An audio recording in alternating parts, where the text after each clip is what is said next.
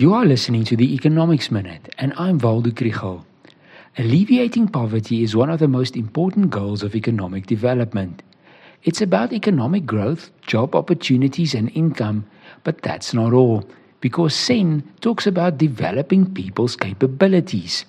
Public services play an important role in this. This episode is supported by the NWU Business School. Most measures of poverty are based on household consumption of goods and services at market prices. It's amazing to realize that global public spending on health and education has doubled since 1980. But poverty statistics do not account for this. This means that differences in poverty between countries are not measured accurately.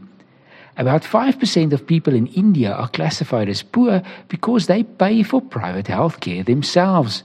South Africans who have access to public health care, even if the quality varies a lot, are a bit better off. A new database has recently been released that tries to solve this problem. Analysis of, its yield, of it yields three important conclusions. The value of public services received by the poorest 30% of the population has doubled since 1980 as a proportion of GDP. An estimated 30% of poverty reduction can be attributed to social services and transfer payments. There are still large differences between countries.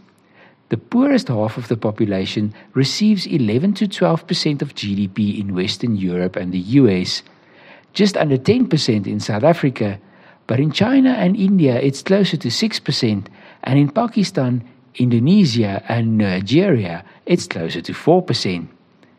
Services such as public health care and education are so important for poverty alleviation that it's very important to be able to deliver them sustainably.